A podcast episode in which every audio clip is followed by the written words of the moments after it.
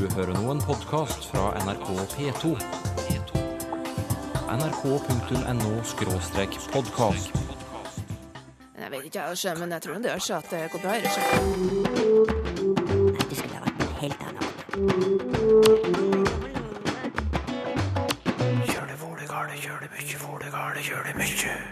Noen ganger kan ordet hva være riktig irriterende. Altså Med ordet hva, så trenger du deg litt inn i den andre personens personlige sfære.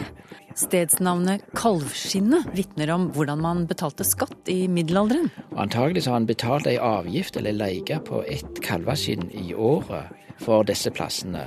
Og hvor kommer Brønnøysund-dialekten fra? Det er Sør-Helgeland, det her. Og det er et overgangsområde når det gjelder tonefall.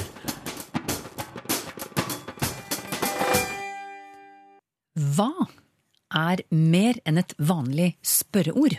Du synes du var lur nå, hva? Kommer du, eller hva? Hva? Koster det så mye? I disse eksemplene er ikke hva brukt som et spørreord, men som noe annet. Hva er dette annet, språkforsker Jan Svennevig? Ja, det kan være et uttrykk for følelser, sånn hva? Eller eh, det kan være en appell til samtalepartneren om å vise deltakelse og bli, bli med i samtalen. Mm, men, men de viser eh, eksemplene vi nettopp hørte, en moderne måte å bruke hva på? Ja, de er absolutt eh, brukt i dag også. Jan Sveinevig, du skal snart få fortelle mer om dagens bruk. Men først har jeg lyst til å ta deg og lytterne med drøye 125 år tilbake i tid. Til en som var oppsiktsvekkende glad i det lille ordet hva. Ja, tante Julle, vi hadde riktignok lykken med oss, du, hva? Dette klippet er fra Ibsens skuespill Hedda Gabler. Og det er Heddas ektemann Jørgen Tessmann som til stadighet slenger på et hva når han eh, snakker. Ja, det har du sannelig rett i, tante Julle. For efterhånden som jeg forøker min boksamling, så uh, hva? Ja, nettopp, min kjære gutt. Jeg ble fascinert, Anne Lande Peters, da jeg var på en konferanse tidligere i år og hørte deg holde foredrag om Jørgen Tessmanns forkjærlighet for ordet hva. Du, hvor ofte sier Tessmann hva i løpet av dette stykket? Jo, han sier det 87 ganger, og det er ganske mye, fordi han har i alt 330 replikker, så røft sett så kan du si at han sier det i hver tredje replikk. Så det er jo et vaneord han har. Ja, Dette litt spesielle regnestykket, det, det gjorde du da du oversatte Hedda Gabler til japansk. Du er teaterviter og oversetter. Hvorfor sier Tessmann stadig vekk hva? Ja, altså det er jo veldig artig. Han, Ibsen bruker jo dette veldig bevisst til å, å gi et portrett av, av, en viss type, da. Og vi alle Vi kjenner jo alle folk som sier det samme ordet stadig vekk, og det gir en viss farge, kan du si, til den personligheten. Og i Tessmanns tilfelle så er det ordet hva. Og ved å, ved å bruke hva, så, så, stiller jo ikke han spørsmål. Han bruker det jo ikke som et spørsmål, spørreord, men han bruker det for å Det er et slags emosjonell håndsutrekning. Han, han, søker intimitet med den andre. Han prøver å, å, si 'følger du med', 'følger du med', 'er du enig', 'hører du på det jeg sier'? Han prøver hele tida å ha en slags harmoni med den andre i, i det å bruke ordet 'hva'. Du nevner intimitet og, og, og, harmoni. Skal vi høre på noen eksempler som jeg tror understreker det du sier der? Her kommer noen var med, med Jørgen Tesman. Ja, kjempefint. Nå, Du kom vel ellers godt hjem fra Bryggen, hva? Ja, så men gjorde jeg det, gudskjelov. Men ta så hatten av deg, tante. Se her, la meg få knytte opp sløyfen, du, hva? Å, oh, herregud. Ja, og så, ser du, så slår vi oss ned her i sofaen og prater litt sammen til Hedda kommer, hva? Hvorfor eh, skaper ordet hva intimitet mellom Jørgen Tessmann og tante Julle i, i disse replikkene vi akkurat hørte? Det er jo Altså, jeg tror at ordet hva her er et slags kvitt lerret som du kan fylle med de følelsene du ikke har ord for. Og i dette tilfellet så er det virkelig den, den søken etter intimitet som Tessman har eh, med tante Julle, som han legger inn i disse orda hva. Så, så, han prøver å si 'Hammer, ikke koselig, du'. Hæ? Det er så fint at du er her. Det er liksom de følelsene, de legger han i det ordet 'hva'. Og det tror jeg kanskje med Det må vi høre hva Jan Sven, Svennevik sier, men, men jeg tror nok at det er fortsatt slik i dag. Mm.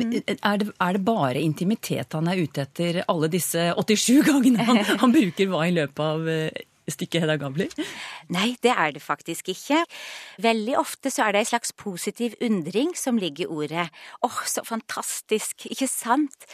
Men det er også øh, Hva er det du sier? Ei slags sjokk? Forklar, dette skjønner jeg ikke. Eller eh, ja, i dag ville vi sagt jøss, yes, eller å nei, eller det, det ligger jo også øh, i det. Så, så, det er veldig uh, forskjellige nyanser. Men det er altså følelser du kanskje ikke alltid finner ord for, som du da legger i ordet hva. Å nei, for en, for en, pen og staselig hatt du har lagt deg til. Mm -mm. Den har jeg kjøpt for Heddas skyld. For Heddas skyld, hva? At han har dette vaneordet, hva syns du det forteller om ham? Ja, det er litt interessant, fordi eh, det gir jo et inntrykk av en person som har en åpenhet, som er veldig imøtekommende mot den andre, som viser en veldig velvilje. Mm. Uh, samtidig så er det også på grensa til det innpåslitne. Hva mener du med det?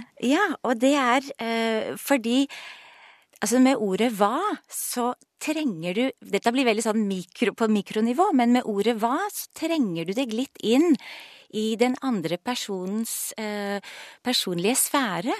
Og du vil ha den med. Du vil hele tida ha at den følger med på det du sier, og vil ha den persons oppmerksomhet. Og, og, og i begynnelsen, når vi ser på teaterstykket Hedda Gabler, så merker du at publikummet ler. Jeg syns det er veldig moro at hva-ordet til stadig vekk kommer tilbake.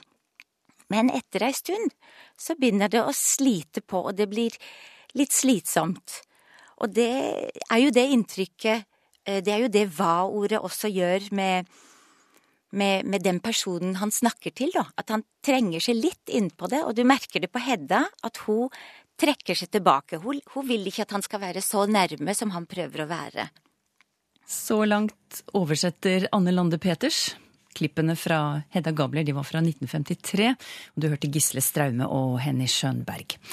Og nå tilbake til deg, Jan Svennevig, som jo forsker på språklig kommunikasjon. Bruker vi ordet hva annerledes i dag enn for 125 år siden, på Ibsens tid?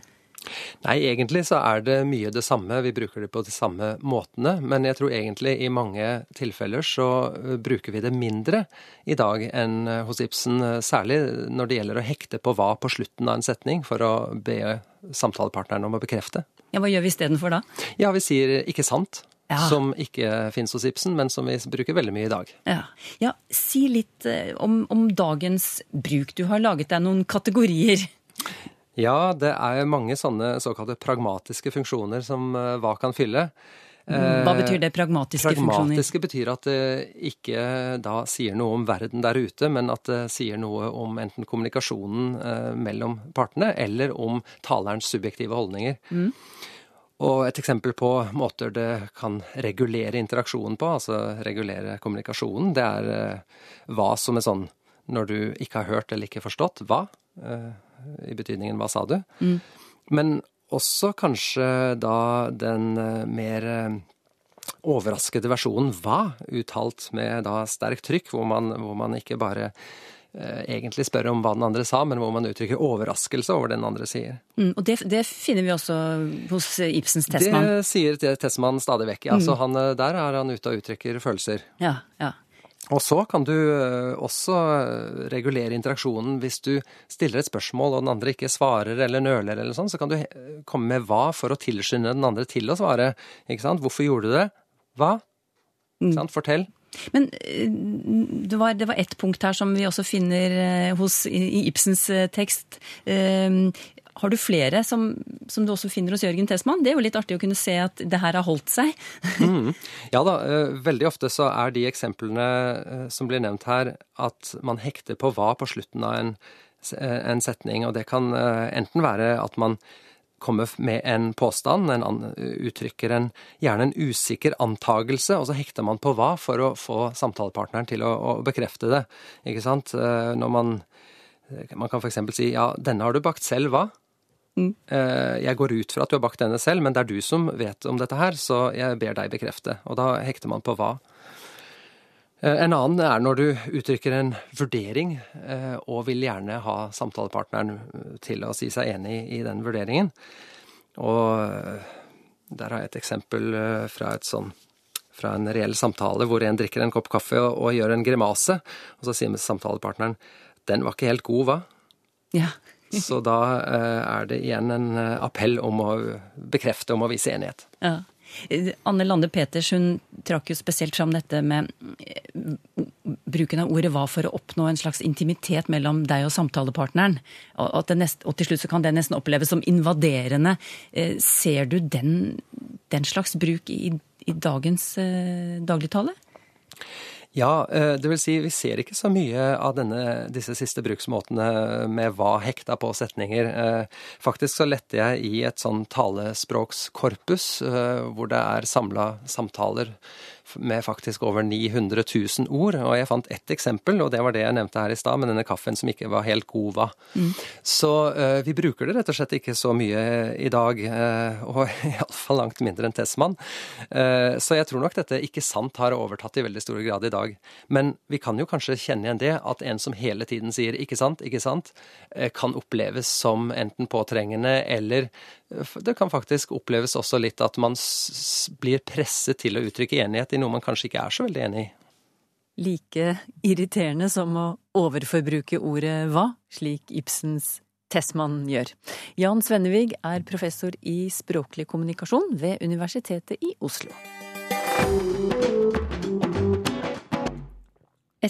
Stedsnavn kan fortelle deg noe om hvordan folk betalte skatt i middelalderen. Mer om det snart. Men før vi kommer til forfedrenes eh, skatter og avgifter, så tar jeg fram et brev fra lytter Lasse Efskin. Han forteller at navnet Efskin kommer fra gården Ørskinn i Verdal i Nord-Trøndelag. Lasse Efskin tror gårdsnavnet er eh, satt sammen av himmelretningen øst, og at det skinner Ørskinn. Kan det være riktig, spør han. Hva vet du om gården Øskinn, navnegransker Inge Særem? Ja, dette er et gardsnavn i Verdal i Vukku, som er normert Auskin på kart og uttalt Auskjen i dialekten. Og det er to nabogårder som har lignende navn, Stusjen og Lundskjen. Altså det er tre parter av en eldre gard som da må være, må være delt.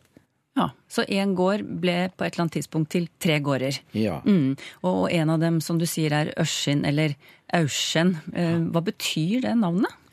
Ja, det er jo et interessant eh, navn, og, og det er ikke så opplagt hva, hva tydinga er. Men hvis en ser på eldre skrivemåter, her er det skrivemåter fra ca. 1430, eh, så ser siste leddet ut til å være Skjenøyom, og i gammelnorsk kan det være Skinøyar.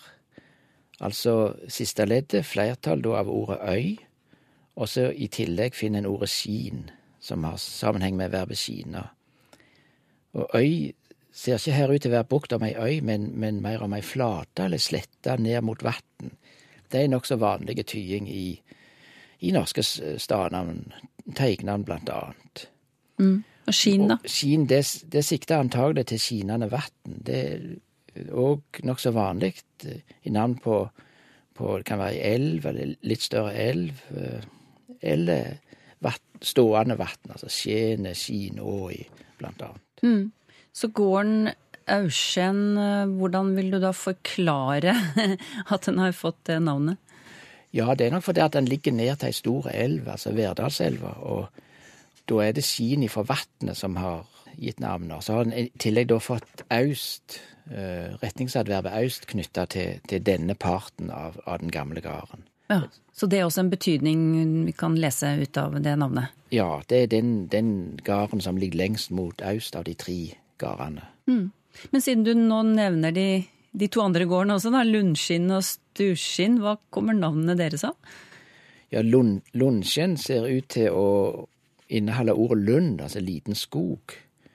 Og det andre, Stusjen, det, der er det eldre skrivemåter med T, Stutskene blant annet, fra 1520 ca. Så der har han regna med et, et, personnavn, eller persontilnavn. Mm. Og det er ulike framlegg til det, altså. Så det kan jo tenkes, men litt usikkert, kanskje. Ja. Så kanskje Lundskinn lå i eller ved en liten skog, og ja. at det var en eller annen som het Stu som hadde noe med gården Stuskinn å, å, gjøre. Ja, eller et, et tilnavn på Et tilnavn, iallfall. Ja. ja. Mm. Men denne endelsen skinn, som disse tre gårdene har til felles, da, eh, den sier du forteller at de ligger i nærheten av vann. Mm. Og eh, lytteren vår, han Lasse Efskinn, han spør om også bydelen Kalvskinnet i Trondheim. Den har jo den samme endelsen om den har fått navnet sitt på samme vis? Altså om skinn i kalvskinnet er samme stavelse som i disse gårdsnavnene vi har snakket om? Nei, her er det nok et, et annet opphav. Altså Her er det ordet skinn og hud, altså. Og ja. dette, dette navnet har nok bakgrunn i skattlegginga i mellomalderen. På hvilken måte da? Ja, det finnes flere Dette navnet fins flere plasser. Brukt om gårder, f.eks. husmannsplass og teiger. Og antagelig så har han betalt ei avgift eller leie på ett kalveskinn i året for, for, disse plassene. Det er ei ordning som er dokumentert i eldre skriftlige kilder fra 1500- og 1600-tallet. Mm. Men er det, flere stedsnavn som uh, skjuler slik informasjon om skatter og, avgifter fra den tiden? Ja, det er der. Det er der. Det er kjent i andre navn òg. F.eks. for eksempel Kydland kan ha med, med ordet kyr, altså at de har noe med skattlegging og i tidligere skattlegging å gjøre. At de har betalt i kyr, da? Ja, betalt i kyr, ja. Mm. Kalvskinnet, da finner vi det navnet flere steder? Kalvskinnet finner vi flere plasser. Det, det er brukt som, som gardsnavn, og navn på husmannsplasser, og navn på teiger, blant annet. Mm. Så der var kalvskinn, kalveskinn sannsynligvis en, en, avgift, det også, da? Ja, ja, det må vi regne med her sa navnegransker Inge Særheim, og han er professor ved Universitetet i Stavanger.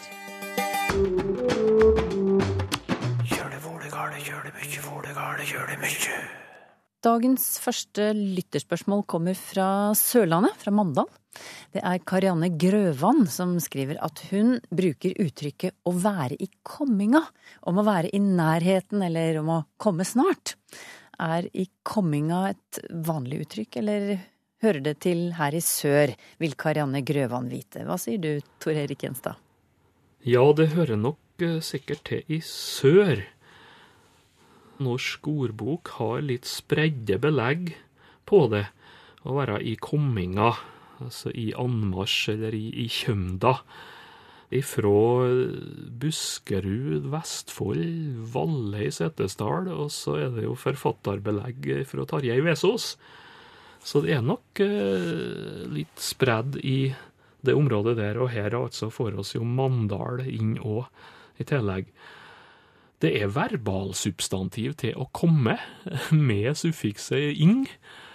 Så det er for så vidt eh, parallelt til kjømd, da, som også er avledd til å komme, men med en annen lagingsmåte.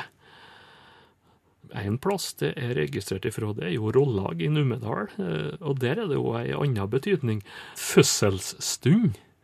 Eh, og med eksempel som han strauk med i komminga, altså døde under fødselen. Men alt det der er jo det å, å komme Her var det det om å komme til verden, og som da dessverre ikke gikk så bra.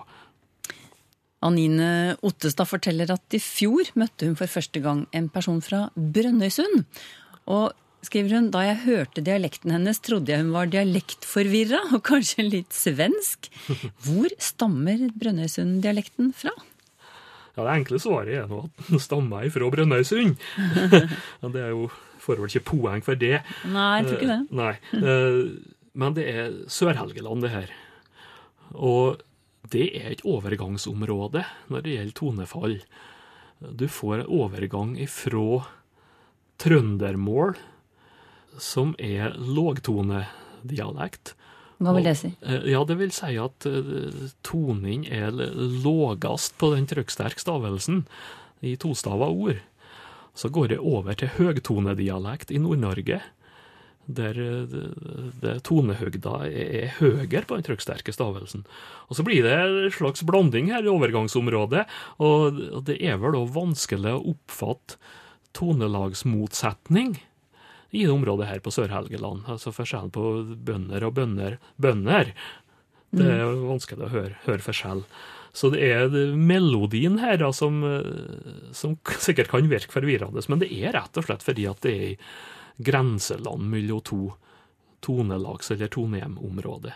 Mm. Kan du demonstrere Gi noen vareprøver her?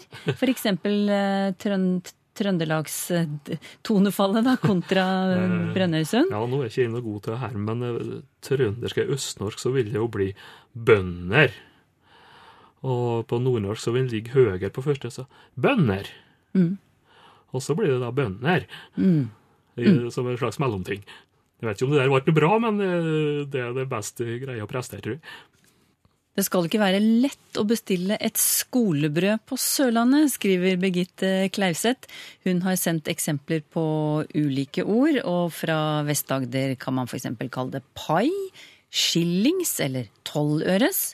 Men hvorfor heter det porke i Aust-Agder, spør Birgitte Klauseth. Porke eller purke?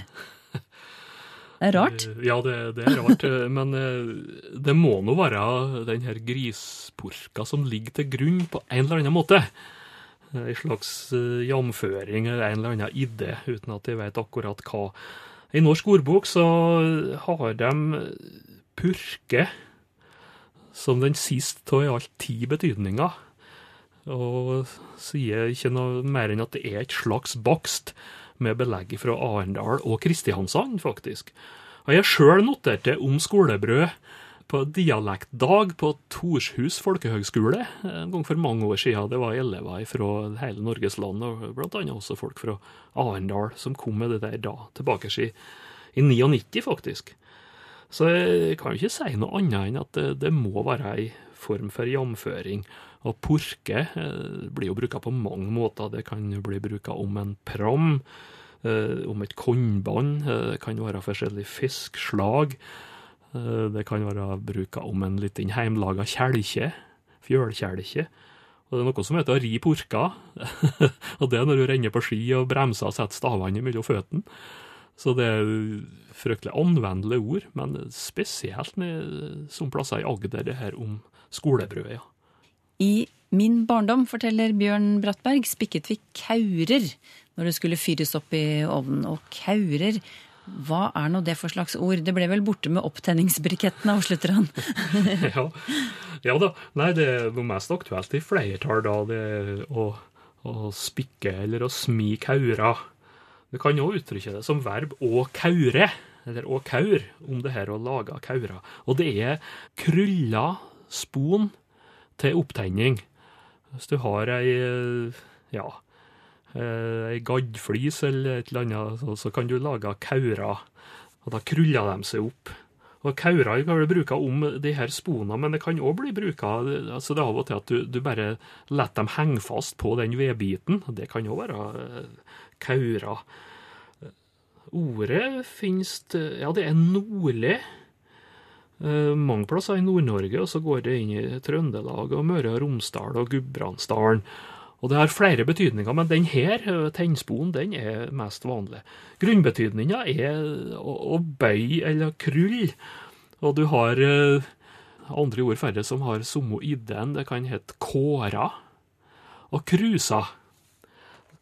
Og alt det der eh, betyr da noe som er krulla i hop. Og mannsnavnet Kåre, det betyr egentlig det, den som er krushåra. Og eh, det går jo ei historie om en som har vært i barnedåp. Det var i nærheten av Trondheim her. Og eh, fikk, der har de da begge orda. De kan smi både kåra og krusa. Og så var det spørsmål hva uh, var døpt. Ja, så har han sagt at det, det var kruse. Og det syntes han var rart. Ja, eller Kåre, da, for det går nå for det samme, sa han. Og det har han for så vidt rett i. Kirsten Marie Tobiassen er fra Flekkefjord-området, og hun sier at vi bruker et ord her for å fortelle at det er frosset et tynt lag is på sjøen. Vi sier at det er flodder på vannet, eller at vannet har flodret seg. Og nå vil hun vite om dette er et dialektord, eh, og hvordan dette ordet har blitt sånn. Hvor det kommer fra. Ja. Ja. Flodder, for å ta substantivet eh, først. da. Ja, det er jo både substantiv og verb her, da. Og her er oss jo i eh, området der eh, du har såkalt blaute konsonanter, altså P og T og K blir til B og D og G, så det er nok floter, da. Og verbet å flotre eller flotra. Og så får du D-uttale her. Eh, Men det er både verbet og substantivet her. eh, Det finnes i Agder eh, mange plasser. Det går inn i Telemark. Og det går inn i Rogaland, både Dalane og Ryfylke, og det finnes innslag i Hardanger. Uh, altså substantivet flotter, da, om noe som flyter her og der, spredde klumper, også i sammensetninga isflotter. Og verbet å flotra, samme område, vatnet flotra seg, isen flotra, det flotra på, vatnet er overflotra. Og eh, det henger sammen med å flyte, det her. Så det er de her isnålene som flyter oppå før det, før det fryser til ordentlig, da. Kan òg bli bruka om andre ting. Rømming flotrer i hop, altså færre det begynner å danse smør, så blir det slike klumper. Men det er jo interessant å se eh, hvor nyansert ordbruk det kan være om naturfenomen. Der har du altså et ord for uh, stadiet før det fryser ordentlig med is. Jeg på det var et uh, begrep de har på mine heimtrakter om det der det var så tynt islag, nærmest bare som ei sørp oppå en dam. De sa at det var en sildgrynsnerk. og sildgryn, det er jo sildsup med gryn i, og snerk, det er jo et belegg oppå, da. Har du spørsmål til Språkteigen? Skriv til Teigen, krøllalfa nrk.no, eller til Språkteigen, NRK P2, 7005, Trondheim. Så finner du oss også på Twitter og på Facebook. Hvis jeg sier 'unnskyld, da', hva gjør da med setningen? Når du sier unnskyld, da, så kan det f.eks. være unnskyld fordi du ba meg om å si unnskyld. Det signaliserer at man ikke helt nødvendigvis mener det. Om det lille ordet 'da'. Språkteigen neste gang.